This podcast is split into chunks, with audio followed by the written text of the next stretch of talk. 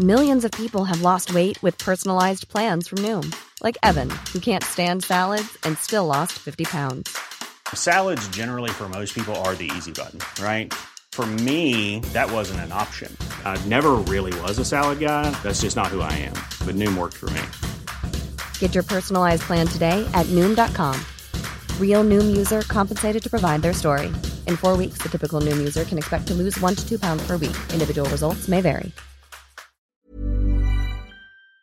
Du säger till, är det här bra? Kan ta den lite närmare kroppen. Eller luta dig framåt, jättesned vinkel.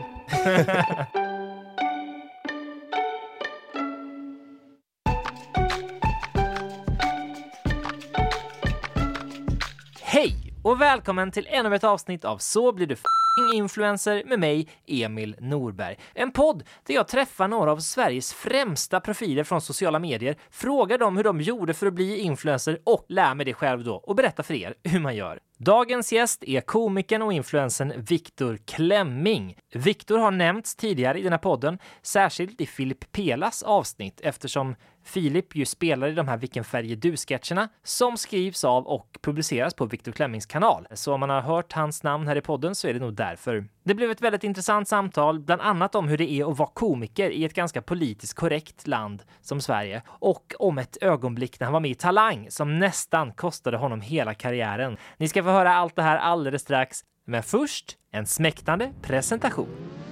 Viktor Klemming är influencer, komiker och 27 år gammal. Han bor i Stockholm men kommer från en familj dykare i Grebbestad. Han har cirka 189 000 prenumeranter på sin Youtube-kanal som kanske är mest känd för den populära sketchserien Vilken färg är du? Tack vare dem och andra klipp på kanalen har han blivit utsedd till den 30 mäktigaste personen på svenska Youtube i Maktbarometern förra året. Utöver det har han 82 000 följare på TikTok, 42 000 följare på Instagram och så sysslar han dessutom med stand-up då på olika scener runt om i landet. Slutligen så har han också en lång fotbollskarriär bakom sig och en slumpmässigt utvald merit i hans debut i Grebbestad IFs A-lag 2014. Då var han med och spöade motståndarlaget med 13-1. Stort grattis i efterskott och nu är du här, Viktor Klemming! Oj, oj, tack så jättemycket. Wow. Det var också så mer än vad jag visste om mig själv, vill jag på säga. Är det så?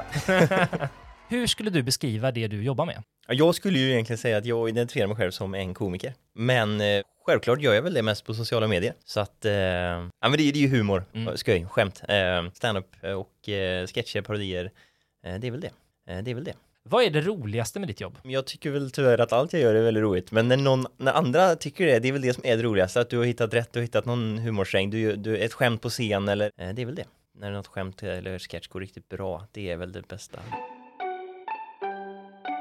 Skulle du säga att det finns någon liksom myt eller missuppfattning om den här branschen? Jo men ja, okej, det gör det ju. Det är ju första man kan säga omedelbart och för att försvara alla influencers är ju att eh, folk ser dem som eh, att de inte jobbar hårt liksom. Bara ta bilder eller, ja bara, bara i mitt fall kanske bara sköjar och lallar och, men det är ju, jag tror faktiskt att alla som, som lyckas faktiskt försörja sig på, på sociala medier jobbar hårt. Jag, alla jag känner, alla jag träffar, alltså du vet, sure så här, någon bild i veckan om du bara är kanske influencer på Instagram, men det är ju också så här, du får ju ta otroligt många bilder, redigera dem, du får ju liksom bygga upp det, vara konsistent.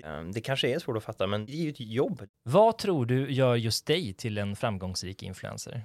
Ja, det är väl kanske så fall först och främst om om man, om man är en rolig sådan då. Eh, och jag vill väl tro att jag jobbar hårt, satsat mycket, riskerat, tagit risker och, och lagt ner mycket tid eh, förstås. Eh, man vill ju typ säga mod, det är väl inte något man kan låta bli att tänka på att det är en jävla risk någonstans. Ja. Det är väl också något som man får ge alla influencers att de har ju vågat kasta sig ut där, att bli bedömda av folk och få hat. Så- Så det är kanske att man, att man har vågat och testat grejer och, Mm. och du vet ställt sig på scen och skämtat där. Och... Får, får du mycket liksom eh, elaka kommentarer eller? Eh, jag, jag vet inte riktigt vad man ska jämföra med det är i och för sig då, och vad som är mycket, men det är klart jag får det. Men det, det finns nog de som får mer, tror jag. Det är ju det hatet just jag får, att man inte ska skämta om det och det. Och eh, folk är kränkta och sådär. Och jag har nog också, det kanske, de kanske börjar ge upp lite också, så att det, det spelar ingen roll om hur många som skriver att jag inte ska skämta om vissa saker, så, så, så jag vill ju skämta om allt liksom, åt alla håll och kanter och då kanske de ändå märker att det kommer de fortsätta med. Det finns ju alltid någon som kommer bli kränkt och jag tror att om man börjar då be om ursäkt eller, eller och anpassa sig så då, jag tror nästan folk njuter av den makten att kunna få eh, kändisar att böja sig eller be om ursäkt eller ändra sig. Jag vet inte, men i, i mitt fall så tänker jag att om om man liksom bara ändå kör på och gör sin grej så gynnas du nästan av det. När det är ju de som tycker om det som tittar liksom. Och så kanske de andra skiter igen liksom.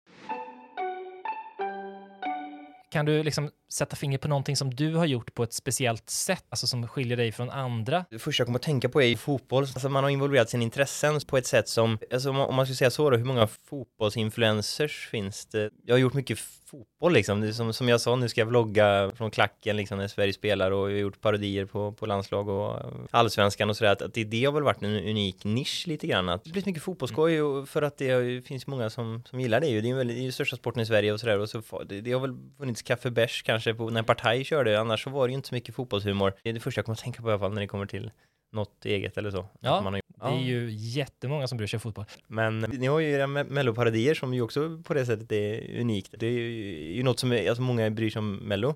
Det är ju lite så man kan tänka, man hittar något eget, man tänker utanför boxen, någon, någon nisch eller något intresse som man kan involvera i sitt, på sociala medier. Kanske också att man är, att just det här att du, man kanske är lite modig eller fri eller så här, du, du, det är gött med någon som vågar skämta om allt eller någon som gör sin grej, bara kör eller, eller lite sådär. Mm. Men, eh, men någon form av det kanske man ska nämna också. Då. Vilket tror du är det viktigaste personlighetsdraget för att lyckas i den här branschen? Eh, jobba hårt. Mm. Alltså det, det är ju faktiskt en av de, eh, the big five personlighetsdragen är ju det här med med just eh, samvetsgrannhet och som det heter, att man egentligen är, eh, om man säger något så gör man det eller man är eh, noggrann och flitig. Alltså att inte vara lat, ja, det är väl nästan det. Ja, man skulle också kunna säga såklart då, som influencer, det, du ska vara snygg, Mm. vara vacker. ja, bra tips. Ty tyvärr kanske faktiskt eh, ytlig bransch eh, faktiskt, är inte bara skämt men eh, det spelar ingen roll hur eh, snygg eller rolig eller talangfull du är med någonting om du inte gör något. Också kunna ta motgång blir ju delvis en del av det men du blir ju offentlig och får folks åsikter kastade på dig liksom. Att kunna ta det och fortsätta är ju viktigt. Eh, eh, det är ju samma sak när man diskuterar, ibland har jag intervjuat Anders Svensson och sådär om fotboll då, återigen då, att, eh, hur blir man fotbollsproffs? Ja, jag tycker ju att det de säger, att de som lyckas är ju de som vill det mest. Det är klart det finns talang och det finns ju skador, men det finns ju något som är att träna mest, jobba hårdast, inte ge upp. Eh, Det kan ta tid, du kanske inte kommer till allsvenskan förrän du är 30, om- men om du har kört på och till sist hittar du din position på plan eller något klickar eller vad som helst. Tålamod, ja, lite jobba hårt, eh, det är nog det viktigaste i allt säkert egentligen. Mm. När började du med sociala medier? 2014, då började vi ju göra sketcher på YouTube. Därifrån eh, så då skaffade jag ju egentligen det mesta för att kunna promota. Man vill ju alltid få dem till YouTube någonstans. Så Mm. Man skaffade Instagram och Snapchat och, och även nu TikTok delvis för att alltså, det är som att jag fortfarande egentligen bara vill ja, locka dem till, till YouTube. Det är väl där man fortfarande känns som att det är där man är hemma eller, och delvis där kanske pengarna. Det var i alla fall 2014. För du har ju hållit på med stand-up parallellt med det här hela tiden. Hade Mm. du liksom en, en stand-up-karriär då också? Eller var det här ditt första steg att göra liksom humor offentligt så? Ja det var det ju, men samtidigt såklart det började lite i plugget, gymnasiet. Eh, att man vill ploja julshower och, och allt möjligt sånt där och projektarbeten. Då, då var det ju i och för sig också att man stod på scen. Eh, men jag, jag testade faktiskt inte stand-up på, på klubb sådär förrän 2016. Så, så det kom ju först med, med sketcher och göra film. Och sen ville man testa det där med att stå på scen och dra skämtet. Men det är samma där, det tar ju också otroligt tid att bli duktig. Kunna trotsa den rädslan, nervositeten och våga prata med publiken eller verkligen lära sig hur man strukturerar ett skämt och men eh, ja, och det ena kanske tar tid från det andra, men jag försöker på något sätt ko- kombinera. Eh, det är kul att göra både och.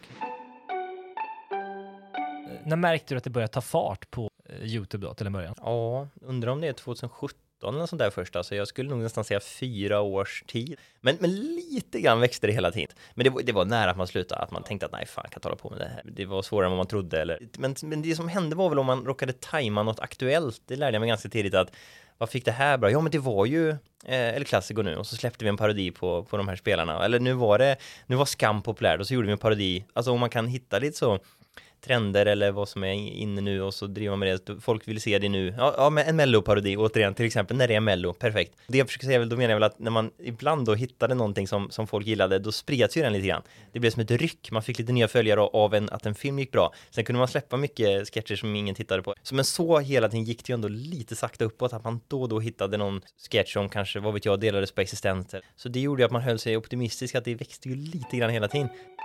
Mm, och det här Existens är alltså en webbsida som funnits ganska länge och som länkar till olika roliga grejer. Det kan vara klipp eller nyheter eller bilder, kanske förr i tiden, blogginlägg. Och genom åren har de också varit med och länkat till populära Youtube-klipp av olika slag. Men det var ju en otroligt seg resa på det sättet såklart. Eh, men man hade väl kul hela tiden också antar jag. Och var väl inte så stressad över pengar för att man hade ju inga lån eller något utan man jobbade väl vid sidan av. Ja, du, gjorde du det? Hade heltidsjobb då? Det är februari 2018 jag säger upp mig liksom. Mm. Det var ju coolt. Mm. Då, du då kvar, tyckte jag att jag kunde betala hyra och jobb med, med YouTube och lön liksom. har du kvar uppsägningsdokumentet liksom inramat någonstans? Ja, det hade skulle man ju haft. Nej. Fanns det någon, liksom, någonting som var motorn i det, förutom att det var aktuellt? Var det sidor som existens eller var det att det delades på Instagram eller minns du om det var något sånt? Alltså jag jobbade ju otroligt hårt för att sprida min skit. Försökte ju samarbeta med till exempel Existens, att vi gjorde lite reklam för den sidan. Då kunde han dela om, om det var bra och sen så byggde jag upp, jag gjorde faktiskt så att jag, jag gjorde en Facebook-sida, Svea Rikes Humor. Jag vet inte om du känner igen den? Nej, jo, det låter för, bekant. för den blev faktiskt väldigt stor. Ja. Jag sålde den till sist. Tyvärr sålde jag den för sent. Jag fick ju bud ibland. Och så när Facebook började dö, i alla fall i vår generation, då fick jag ju sälja den mycket billigare. För till sist så, den dog ju lite ut också på något sätt. Där kunde jag dela vad som helst som var humor. Kanske gjorde lite egna memes och sådär, men just att poängen var ju att bygga upp den för att då så fort jag släppte något på min YouTube så delade jag ju den där. Mm. Det var ett sätt att få in lite visningar. Du Minns du hur många följare du hade på den? Ja, jag satt och funderade på det nu, men den har säkert fortfarande typ så här 60 000. Det var väl något sånt där Ja, i alla shit. fall, vill jag ju tro. Smart. Ja. Och collaba har väl varit en bra grej, att man om man gjorde något samarbete med någon annan, men det var ju också, det är också helt omöjligt om man inte själv har några följare att erbjuda riktigt. Ja, men jag försökte samarbeta med sådana som var lika små då i och för sig. Mm. Men det ja, kunde man kanske också gjort mer. Ja, du har ju gjort mycket, även från starten så är det ju mycket med eh, Filip är med. Jag vet inte om jag såg om Gustav var med också. Ja, han, han kom ju in vid något tillfälle, jag träffade honom via stand-up, Ja. men det är nog inte förrän 2019 kanske. Från början, alltså Filip var ju med från början, det var ju han och jag och en kille, kompis som hette Albin. Ja. Eh, Vi tre började göra sketcher och sen så eh, hoppade Albin av och pluggade och sen hoppade ju egentligen Filip också av och pluggade eh, till polis. Så det är så, på det sättet har jag ju kanalen själv och så är det snarare då att jag kan betala dem lön om de vill vara med och skådespela. Albin pluggade ju animation, så han har ju tagit in och animerat, för det tycker jag är väldigt häftigt. Ja, det är ju nästan mina favoritprogram när det kommer till humor är väl egentligen typ så här Family Guy och South Park.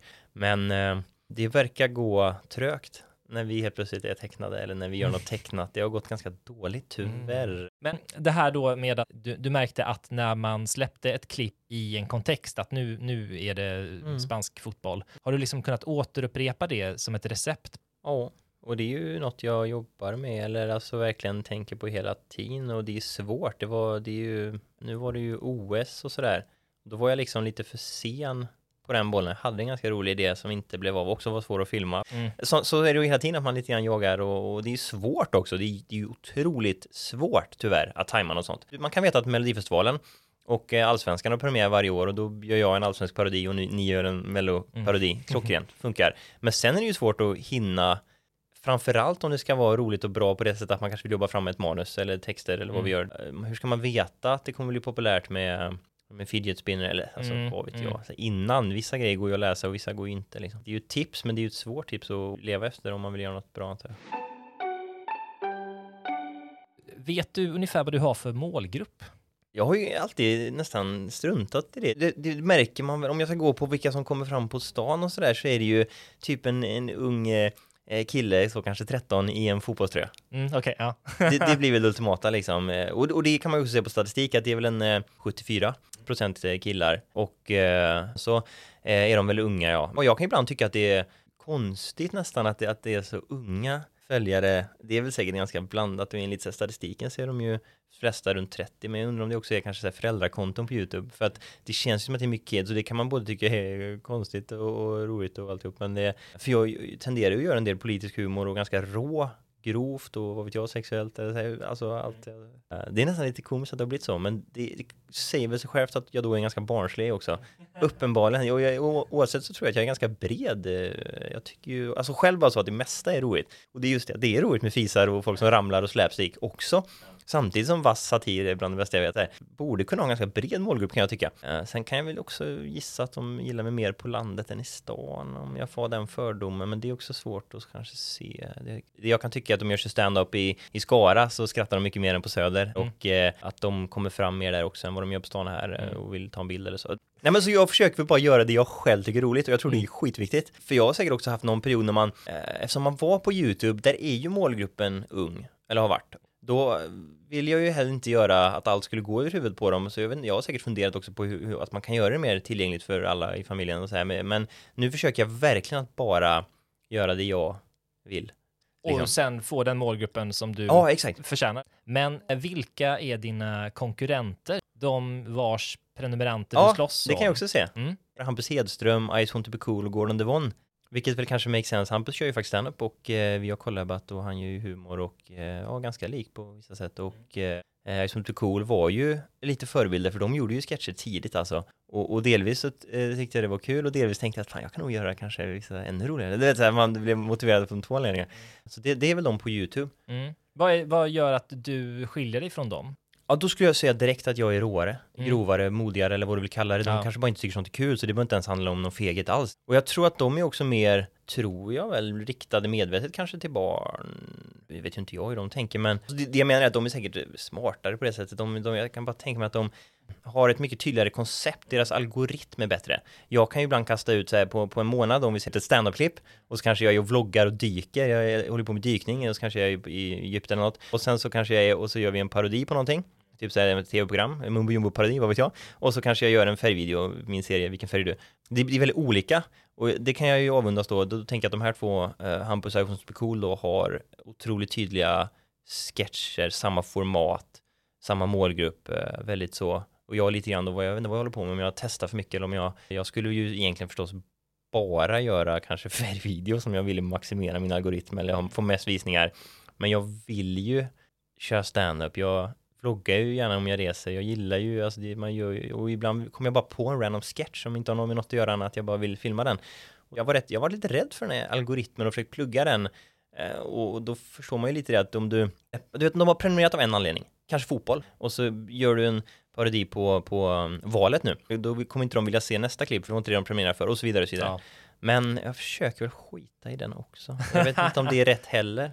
Man kan tänka sig att det är rätt för dig, för att det är då du orkar hålla på med det. Ja, det, eh, sen kan man, har jag förstått, förstås, det är lite som att du kan nog lära algoritmen, om du förstår vad jag menar. För jag vill ju testa att göra lite reaktionsvideor, men den första floppa och den andra gick skitbra. Mhm. Men du menar att man kan träna algoritmen till att förstå att det är inte konstigt om det kommer en, en vlogg ibland på den här kanalen? Jag vet inte, jag menade bara att den kan hitta de som då vill ha reaktionsvideo och hitta de som vill ha stand-up. Om du fortsätter menar jag. Ja, ja men intressant. Hur tjänar du pengar? Ja, men det kan jag tala om ganska enkelt. Min eh, månadslön kommer ju från YouTube, Ja. Google. För att de har ju alltså lite reklam på mina klipp. Och då får man ju procent av det på någon form av konstig uträkning som de säkert blåser oss som fan på. Men det blir ändå lite grann om du har mycket visningar. Så det är ju den trygga inkomsten. Alltså återigen så länge jag släpper såklart eh, YouTube-klipp. Och, och, och klart också väldigt varierande lön. Har jag gjort färgvideos något som gått bra eller något, något viralt eller, eller varit lat beroende på det så är det otrolig skillnad i vad jag kan tjäna på en månad. Alltså. Eh, vilket är läskigt på ett sätt. Men då kan jag ju också köra standup, så kan jag få gig. Jag har föreläst lite, eh, kan man ta betalt för. Och sen har du eh, spons såklart, vilket ju man kan göra också, ha ja, produktplacering eller, eller vad som helst. Och sen så är det väl inte så mycket mer att tjäna pengar på. Har du någon uppfattning om hur stor del av dina intäkter som kommer från det ena eller det andra? Ja, nu har det också varit corona, så det har inte varit stand-up på två år nästan. För ett tag innan där så kunde man ju ta ganska bra, om man fick ett gig så var det ganska bra betalt och då blev det kanske nästan 50-50 men, men nu är det ju absolut, eh, jag vill ju få igång stand-up-bandet ordentligt och jag har väl börjat, YouTube är ju säkert eh, en hög procent nu. Jag har väldigt lite spons också, vilket är delvis skönt, delvis eh, kan det ju både förstöra och, och man kan känna sig horig eller vad du vill, att hålla på och göra reklam. Men jag har egentligen inget problem med att man gör reklam. Om man kan stå bakom företaget, det är ju bara win-win egentligen. Men det kan vara så att de säger så här att då får du inte skämta om det här. Det har varit mitt stora problem. Där har jag faktiskt tackat nej till ganska stora summor pengar för att jag har inte tyckt att det varit värt att, som det, vad heter det, kompromissa med min konstnärlighet. Ja, och delvis kanske rent ekonomiskt, det, det jag ändå kunde tänka att fan om, den, om jag tar bort de här skämten, då kommer ju sketchen gå så mycket sämre så då tjänar jag ändå mindre på YouTube-lönen då. Det är väl där de största pengarna ligger egentligen, det är ju om du kan göra stora sponsordeals liksom, men det är inte något som jag håller på så mycket med nu. Jag tror också att många är lite rädda för mina skämt och sådär, jag tyvärr. Men jag tror att många skulle säga att den större delen av deras intäkter kommer från samarbeten. Mm. Men det kan inte jag säga nu. Det, det kunde jag kanske för några år sedan möjligtvis. Det är just intressant tycker jag då med till exempel även YouTube då ibland eh, kanske en av tio eller en av 20 alltså, av mina videor så väljer de ju att inte lägga reklam på den. Och då tjänar jag ju ingenting och om, så som det verkligen ser ut är ju att varenda video jag någonsin försöker släppa så säger de nej först. Alltså, Jag måste alltid överklaga. Men jag vinner ju fan i 90 och 19 av 20 fall, så jag kanske inte ska klaga för mycket. Men, det- jag, men jag ska ha ett möte med, med en, eh, ja, någon som vill bli typ min agent imorgon. Och vi har redan börjat diskutera det över mail, för jag vill ju gärna förstå YouTube. Jag ska inte snacka för mycket skit där, men jag förstår det ju som så att, att om Coca-Cola hamnar på en IS-avrättningsvideo liksom, om att i så fall tror de så att vi konsumenter som tittar på YouTube skulle vara så dumma att vi tänker att Coca-Cola sponsrar IS. mm. Men det skulle de ju i och för sig då, om det är IS som har laddat upp det och får pengarna. Just Mm. det. Men jag antar att det var så det började. Men annars tänker jag att det företaget som syns innan videon, det, har ju egentligen inget med videon att göra. Det har ju att göra med konsumenten. Det är ungefär som att jag känner en kompis som har en hemsida och så har han fått klagomål, varför har du porr? Ja. Reklam på hemsidan. Ja men det är inte jag som har det, det är, jag har ju Google Ads Ja. som anpassar sig efter vad du är inne på. Det är ju du ditt snusk som uppenbarligen är inne på mycket porr. Det är också så här, om YouTube helt skulle, vad vet jag, gulmarkera min kanal eller de kan ju ta bort den. Jag ligger ju lite i deras makt så det irriterar mig att de bryr sig så mycket om det där. Jag tänker ju också liksom att de förlorar på det själva om du förstår vad jag menar. Ja, de ger ju bara mig någon liten, någon liten miniprocent av vad de tjänar på att ha eh, reklam på mina videos. De tar ju det mesta själv och det blir de ju också av med. Men de är så rädda liksom. Det där är ju det, jag, det jobbigaste för mig. Jag tycker ju bara att humor är något positivt. Jag menar ju aldrig att någonsin kränka någon. Jag, så jag blir bara så här, men då har ju de ju bara valt att bli kränkta här. Meningen för att de skulle skratta. Jag, jag kommer verkligen från en god plats enligt mig själv liksom. Och bara, alltså humor har det blivit ett problem då att någon minoritet ändå av kränkta människor lyckas liksom stoppa det för att de är, de är rädda för att få skit av den här lilla klicken kränkta. Så det är väl mitt problem när det kommer till att tjäna pengar. Tillhör du något eh, YouTube-nätverk? Jag har ju eh, gjort. Mm. Eh, jag var ju med i Splay och jag fick väl gratis Red Bull och använda deras green screen och jag kunde ju träffa andra och styra upp collabs. Så det var väl det jag fick ut av det. Men framförallt på den tiden då, de tog ju liksom procent kanske med all rätt av det jag tjänade. Och det gick ju inte riktigt att vara med då. Alltså, jag hade väl behövt mer tillbaks för att ge dem så mycket pengar som de ändå Mm. skulle ha. Eh, Så jag gick ur. Det är ju möjligt att det var felaktigt, att man tänkte för kortsiktigt. Att man bara var så pank så att eh, jag måste behålla varenda krona själv, jag får klara mig själv. Mm. När man kanske själv bara var lite för liten. De kanske hade börjat satsa på mig, för om jag var kvar nu, för då kanske jag bara hade 20 000 prenumeranter och nu 180 000, så, så Mm. liksom, det vet ju inte jag eh, riktigt om det var rätt eller fel, men det, är- det, för det är klart att du kan få en yes, jättemycket hjälp, men jag ville ju gärna att de skulle hjälpa mig att få in lite sponsorer, och det gjorde de liksom aldrig. Men de jobben som du har nu, hur får du dem? tänker du på en sponsor? Sponsorer och eh, uppdrag? eh, Ja, jag olika har typ? ju bokastander.se är ju som en agent som ska fixa gig. När det kommer till eh, sponsorer så har jag ju fixat en del på egen hand. Man kan, du vet, eh, kontakta om man har någon sketch på gång som passar dem tycker man så kan man skriva om de inte skulle vilja sponsra den och så vidare. Och så vidare. Men eh, ja, hade väl gärna haft hjälp med mer med sådana grejer. Och jag har styrt upp många gig själv också förstås. Men det är, ju, det är ju lite det egentligen så ska man göra det man själv är bra på. Det är ju det, då kostar det ju detsamma om man skulle ta in en bättre redigerare än vad jag själv är. Då ska jag ha pengar men det Mm. kanske är värt liksom. Det är, finns ju alla möjliga sådana grejer att fundera på faktiskt. Mm. Att, eh, ensam är ju inte så stark eh, faktiskt. Det är samma sak med, med färgserien till exempel så är vi ju faktiskt tre gubbar till liksom och det är ju inte fel. Det har varit en del av framgången eh, än att göra det helt själv liksom. Men eh, ja, det blir så här, man, man sätter sig ner där och Ja. så, så får du mig och så här fundera på massa grejer själv. Jag blir alldeles, så babblar jag bara iväg för tänker högt liksom. Ja, det här. är terapi. Jag ska sparka Filip K. Gustafsson, då kan jag ju få mer pengar själv. Hur ofta lägger du ut innehåll på sociala medier?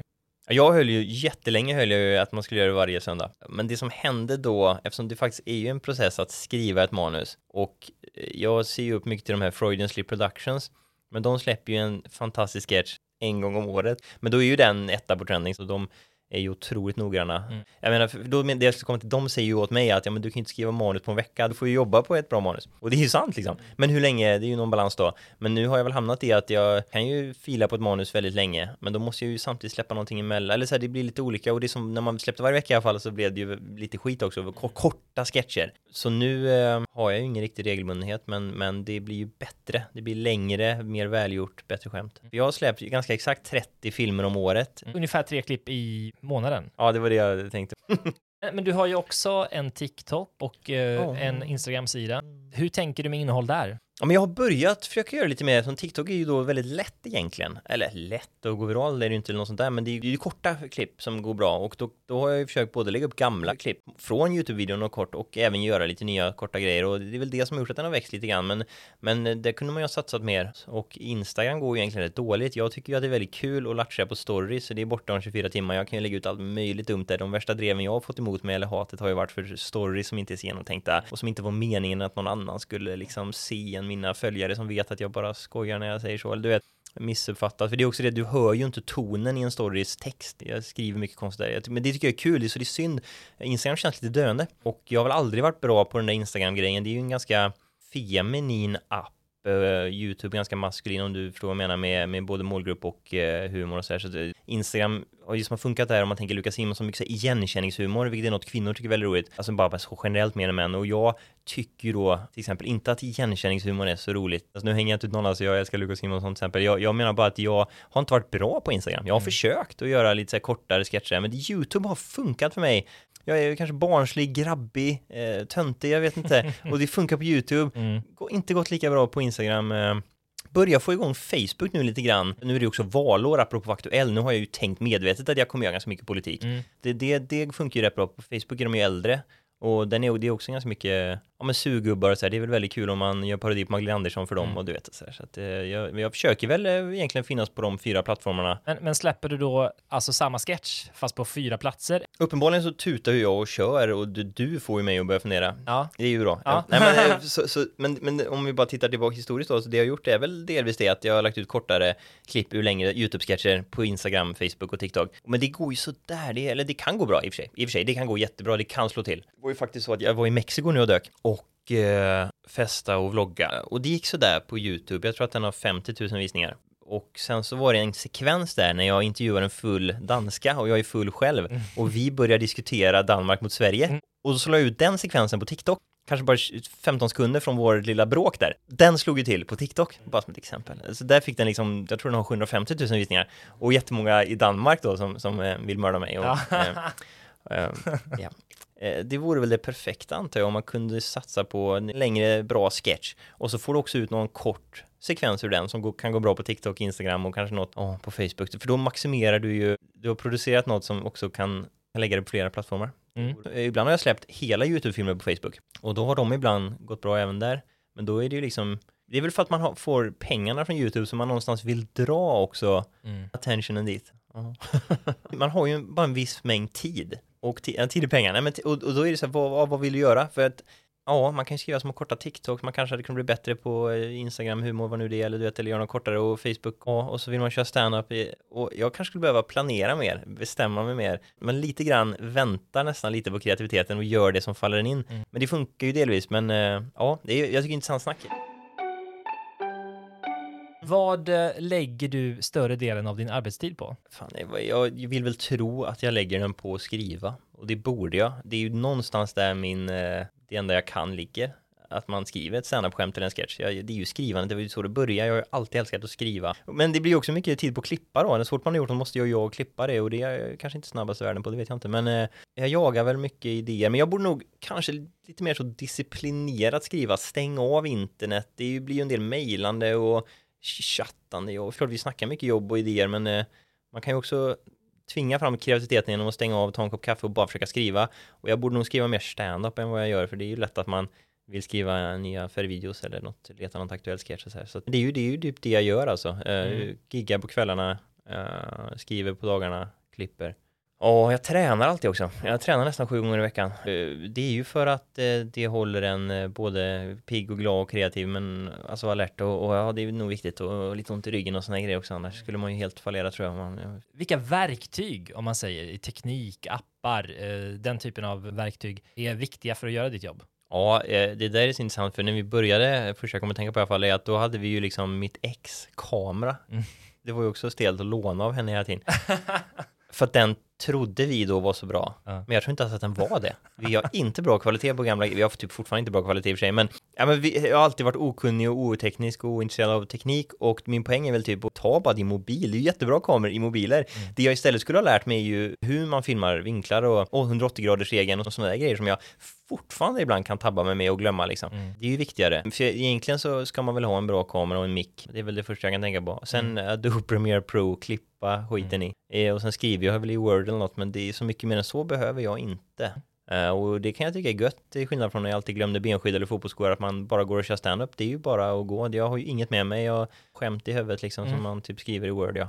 Jag antecknar ju så fort jag får en dum idé direkt i mobilen. Sen gäller det återigen att säga till mig själv nu, sätt dig ner med alla de där jävla anteckningarna och skriv dem till skämt. Det är ju det jag borde göra oftare, Mm. disciplinerat. Se till att det blir något av det. För det är egentligen ingen brist på idéer någonsin. Mm. Det ska bli manus eller standup-material. Mm. Jag tror jag är ju någon form av minimalist. Alltså bara det är ju ett sätt att kunna leva som influencer. Alltså att det är låga utgifter så kan du ha ganska låg inkomst. Så det har jag alltid levt efter och eh, jag har ju varit lat med att inte köpa grejer. Man kan ju ha en green screen och allt möjligt så men det har jag liksom Just nu äger inte ens jag en kamera. Nej. Utan jag lånar så här Kostik och Daniel Norlins kamera när vi filmar och jag, det är ju på en nivå som är, det är ju blivit överdrivet. Jag får ju faktiskt gå och köpa en eh, Ja men det, jag har ju varit otroligt egentligen slapp med att lägga pengar, men det är delvis bra menar jag. För jag har aldrig behövt vara stressad över, jag har inte tagit några lån på någon utrustning, eller alltså jag har aldrig behövt få in pengar. Alltså jag vet inte, det har ju funkat ändå. Det är absolut bäst ju om man kan ha någon som filmar som kan det. Det borde ju också ta in mer, men det har man ju fått göra ibland. det är synd att de måste ha betalt. Nej jag vet inte men.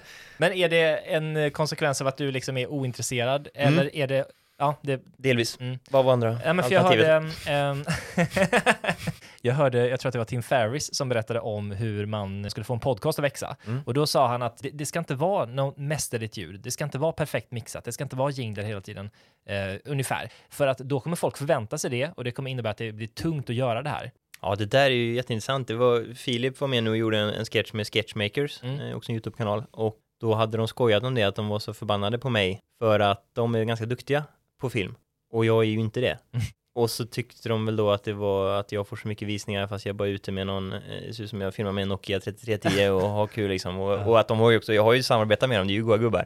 Så vi är ju kompisar de, och de, det går ju mycket fortare och slarvigare när jag jobbar liksom. Jag, jag kan ju då tendera att, man vill ju alltid bara förbättra sig själv. Och då tänker jag väl att om jag blev ännu kunnigare eller hade en bättre kamera eller mer personal eller vad, vad man ska kalla det, desto bättre hade det väl blivit, då hade jag väl fått ännu mer visningar. Men det du precis sa, det kan ju finnas något i det, någon, någon charm eller någon ödmjukhet eller något som folk uppskattar i att man sänker förväntningarna eller man... Ja, att man inte höjer dem i alla fall. Att man, man sätter det på en nivå där man kan, det här kan jag göra, vecka ut och vecka Ja, in. och så gör, precis, ja, precis, ja men exakt, apropå Freudian Slip Production som jag säkert tycker är bäst i Sverige på YouTube eller humor, men de gör liksom en video om året Mm. i den kvaliteten. Precis, jag har ju lyckats eh, producera mycket mer då, eh, i, i lägre kvalitet kanske, eller det är såklart, men alltså ja, man får det gjort ja. Ja, det kan, det kan vara så att man går plus i att det går snabbt och det är roligt ja.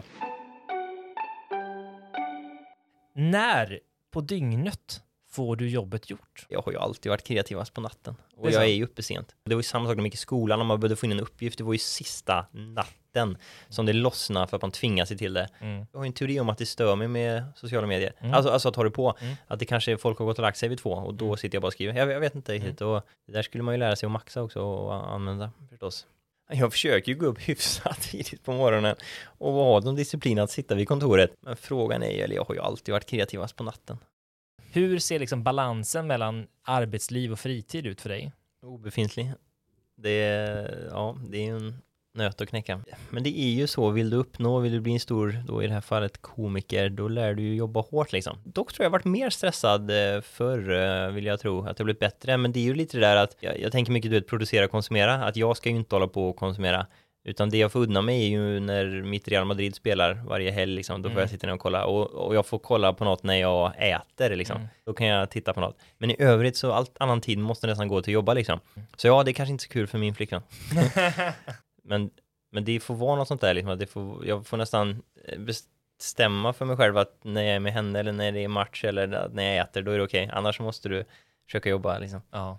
Men det, du tycker att det funkar ändå liksom? Att, Ja men det är ju, om du förr så här tvingades jobba åtta timmar på Happy Price på Tanum CD köpcentrum och sen kunde du lägga all fritid på att göra sketcher med Filip. Mm. Då är det ju bara så att nu är du, har du alltid fritid att kunna göra sketcher med Mm. Filip. Jag tror att det är det som är, eller jag har läst om det också, att det är så här, stress är ju ofta när du stressar för något du inte egentligen vill eller Mm. sådär. Alltså det blir typ inte en stress, det är, det är nästan som att det, då kan det kallas för passion istället. Det vi ser av dig då, i stories och sånt, är det liksom dig vi får se eller har du någon slags jobbkaraktär? Ja, men det har man nog lite. Jag blir nog lite mer alert eller rolig eller, eller eh, etsig eller alltså man går upp i varv lite grann. Man spelar ännu självsäkrare, ännu rapp.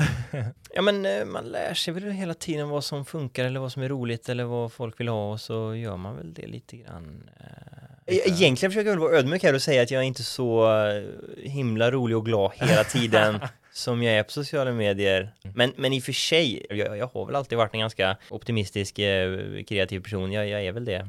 Men lite blir det att man vrider upp det, det vill jag ju ändå erkänna, tänker Mm. jag. Hur använder du telefonen eller datorn under en dag? Vi har försökt tävla, jag och Filip, i att få ner telefontiden. Mhm. Från liksom fyra timmar i, om dagen till, ja, en. Någon gång lyckades jag med noll bara för att. Men eh, för det, det Värsta mår- dagen jag, i livet. Jag tror faktiskt att man mår dåligt av sociala medier. Det är just det, jag vill ju inte hålla på och scrolla egentligen eller konsumera, vilket blir väldigt hy- hyckligt för att man, eh, eh, alltså hyckligt om man ska producera till andra att konsumera, men man vill inte hålla på och konsumera själv, men det är klart jag ju gör.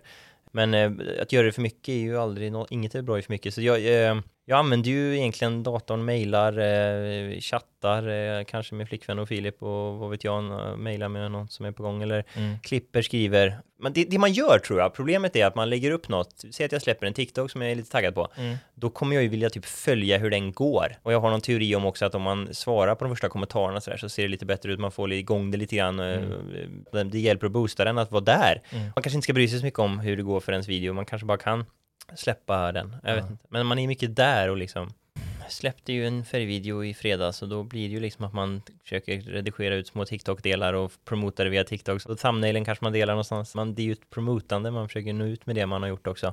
För du kan ju faktiskt släppa världens bästa sketch utan prenumeranter eller att du delar den någonstans så är det väl ingen som hittar den riktigt.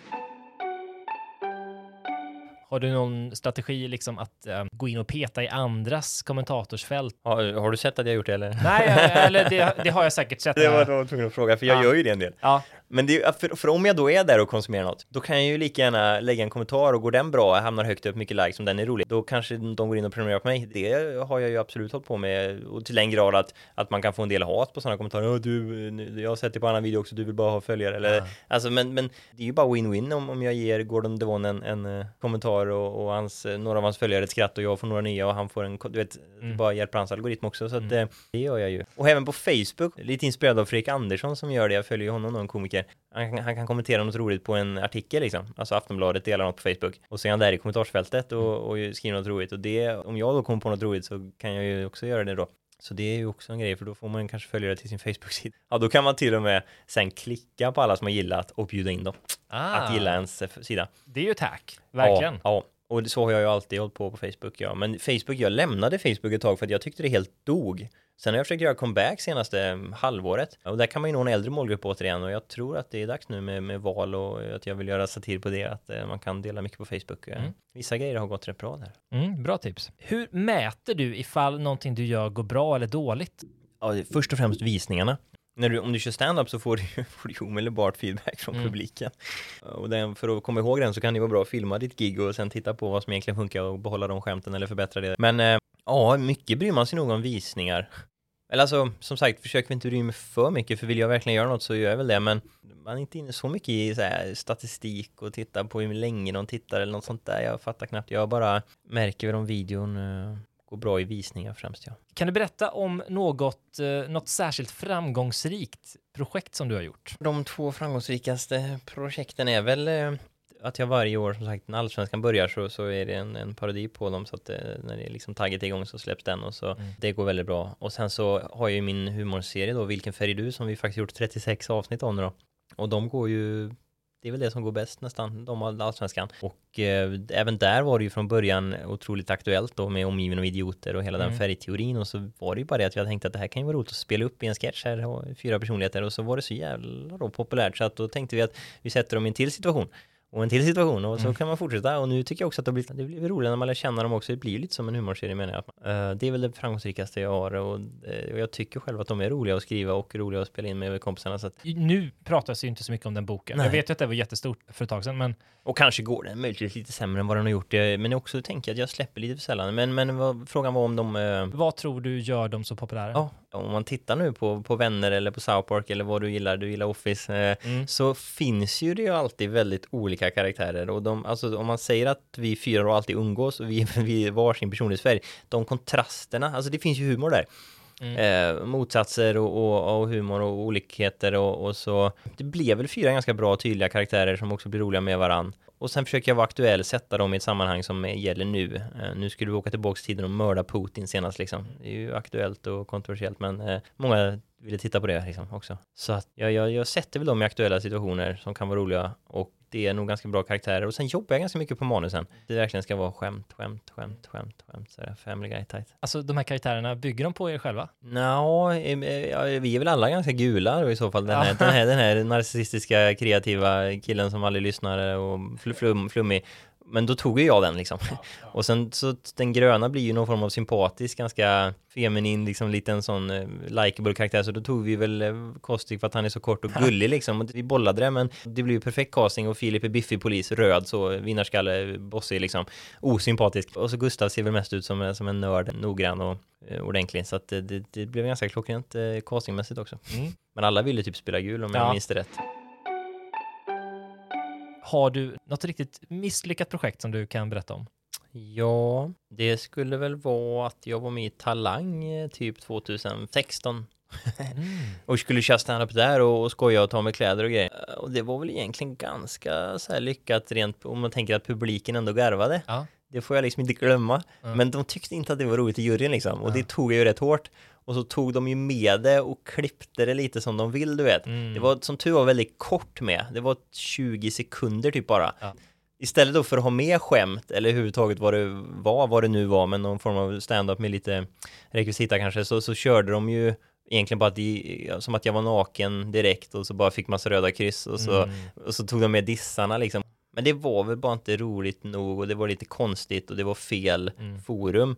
Men jag fick en känsla av att det var hon Kakan Hermansson som satt i juryn att hon inte tyckte det var kul. Jag kommer knappt ihåg vad jag drog för skämt, men det var nog enligt henne väldigt sexistiskt. Hon sänkte ju mig och det var det de tog med, hennes elaka kommentarer liksom. Då var inte stor heller att jag riktigt kunde luta mig på att nej men det går ju bra på YouTube, för nej det gjorde du fan inte heller liksom. Lärde du dig någonting av det? Okej, men den bästa lärdomen blev väl i det långsiktiga att du kan fan göra bort det i nationell eh, tv, alltså inför en miljon tittare och ändå överleva liksom. Någonstans så tror jag faktiskt att jag kan nästan inte uppleva något värre. Förstår du vad jag menar? Ja. Ungefär som att nu är jag odödlig eller så här. Lite som att de, klarar jag det där så klarar jag ju vad som helst. Nu tar jag vilken motgång som helst. Du visades naken utan ja. skämt och fyra röda kryss. Ja, framförallt visade så ja. Nej men fan så att det, lärdomen är väl att du överlever. Varifrån får du inspiration? Uh, ja men, det är mycket nu att man, att man hänger med i nyheter och samhälle och ja som jag sagt, jag är ju gärna att driva om det som är aktuellt. Mm. Uh, så att det är väl sånt, alltså vad som helst som dyker upp och man antecknar något och så, så lyckas man skriva till det till en, till en sketch eller något. Så det kan vara vad som helst antar jag. Vad skulle du säga är den största utmaningen i den här branschen? För mig som komiker så känner ju jag att den här politiska korrektheten och kränkta människor är ett problem. Men det det egentligen är då är ju hat. Jag tänker väl att det jobbigaste för influencers och för komiker är ju hat någonstans. Är det inte det? Om du, det kan ju lite oavsett vad du gör så kommer ju folk hata. Eller du vet, kritisera. Och då måste man ju klara av kritiken. Ja. Man, man, man, får nog vara lite anpassningsbar också, eller hur? Man, man, eh, nu är plötsligt kanske Instagram dör. Då måste du kanske in på Facebook eller TikTok, eller hur? Det är lite sociala medier, är ju ständig förändring mm. på något sätt. Ja. Det var ju bloggerskor är ju ganska ute till exempel, tänker jag. Ja. Och poddar har dykt upp. Eller du vet, så att det mm. bara rör sig och, och, man får hänga med liksom. Vad skulle du vilja ge för råd till dig själv om du hade börjat med sociala medier idag? Samarbeta med andra, jaga de här trenderna, aktuella grejer. Skit ändå hade jag nog stått fast för det. Du behöver inte lägga massa pengar på någon dyr kamera utan mobilen funkar. Men, men plugga filmreglerna då om du ska göra sketch i och för sig. 180 graders regler och gyllene snitt och sådana grejer. Kunde jag ha lärt mig tidigare. Ja, det, det, ja, det är också intressant här. Vad då ska man säga till en ung eh, optimistisk kille att det kommer komma massa motgångar? Men, men kanske är det bra ändå att veta det att det, det är klart det kommer och du måste stå pall. Det, det handlar ju mer om att sitta kvar på bussen och inte ge upp. Samma, egentligen samma sak med cancel culture. Du kan bli avstängd från YouTube, men du, det, det, är ju ändå upp till dig om du ska ge upp helt. Du kan ju alltid hitta vägar tillbaks eller på något sätt eh, överleva ett drev. Så mm, mm. Det, är det är väl ändå upp till dig. Kör på, ge inte upp, skit i andra. Ja, ja. det är lite så. Har du något sista som du vill säga? Eh, något sista tips som inte kommit in på eller så? Men, men man ska ju också vara sig själv va? Det är ju någonstans i det där att eh, alla finns ju redan utom du. Det ligger ju något i det att du har ju säkert någonting att bidra med eller du är unik på något sätt eller att eh, man kan ha en dialekt eller en, ett intresse nämnde jag eller vad som helst som man vågar eh, inte härmar andra för mycket. Det är väl en sån grej om någon vill bli en influencer antar jag. Att kör, Mm. kör din grej. Verkligen. Annars så har jag ju snackat så mycket nu så jag vet knappt vad jag har sagt och inte och jag inte borde ha sagt och så vidare. Nej, det lät som att du sa mycket klokt i alla fall. Är det sant? Ja, det är otroligt bra. Var kan lyssnarna hitta dig om de blir nyfikna? ja, ja, men Youtube då, Viktor Klemming. TikTok, Viktor Klemming 94, Instagram, Viktor Klemming, Facebook, Viktor Klemming. Det är väl de fyra platserna jag finns på och faktiskt försöker producera på alla. Så att, eh, sen kan man ju alltid boka mig till, sin- till en scen också. Just det. Ja. Gör det, tycker jag, ni som lyssnar. Det vore väl jättekul. Då tackar jag så otroligt mycket för att du ville ta dig tid och, och svara på de här frågorna. Ja, men skitkul, tack så fan. Ha det gött. Hej då! Tack så mycket igen Viktor för att du var med. Nu tycker jag att ni går in och följer Viktor på alla möjliga plattformar. Ni vet ju vad han heter, det är bara att söka på hans namn på alla sociala medier så hittar ni honom. Ni får också gärna följa mig så får ni se hur det går för mig i min jakt då på att bli, precis som Viktor, en framgångsrik influencer. Spoiler alert, det går ganska bra, men eh, för att se exakt hur bra det går så gå in och kolla på min profil på olika plattformar. Jag heter alltid Emil Norbergs på alla ställen. I nästa avsnitt av podden kommer jag träffa Nino och Julia, dansduon och det äkta paret som har tagit TikTok med storm. Alltså de nådde nyligen över en miljon följare på TikTok, vilket är helt sjukt många. De har varit här i min studio och berättat precis hur de gjorde för att bli så himla populära. Dessutom kommer ju Julia från Uddevalla, precis som jag, så vi har en hel del att prata om, ja, om geografi också. det vill ni inte missa. Så håll utkik efter nästa avsnitt av Så blir det f- influencer. Hello!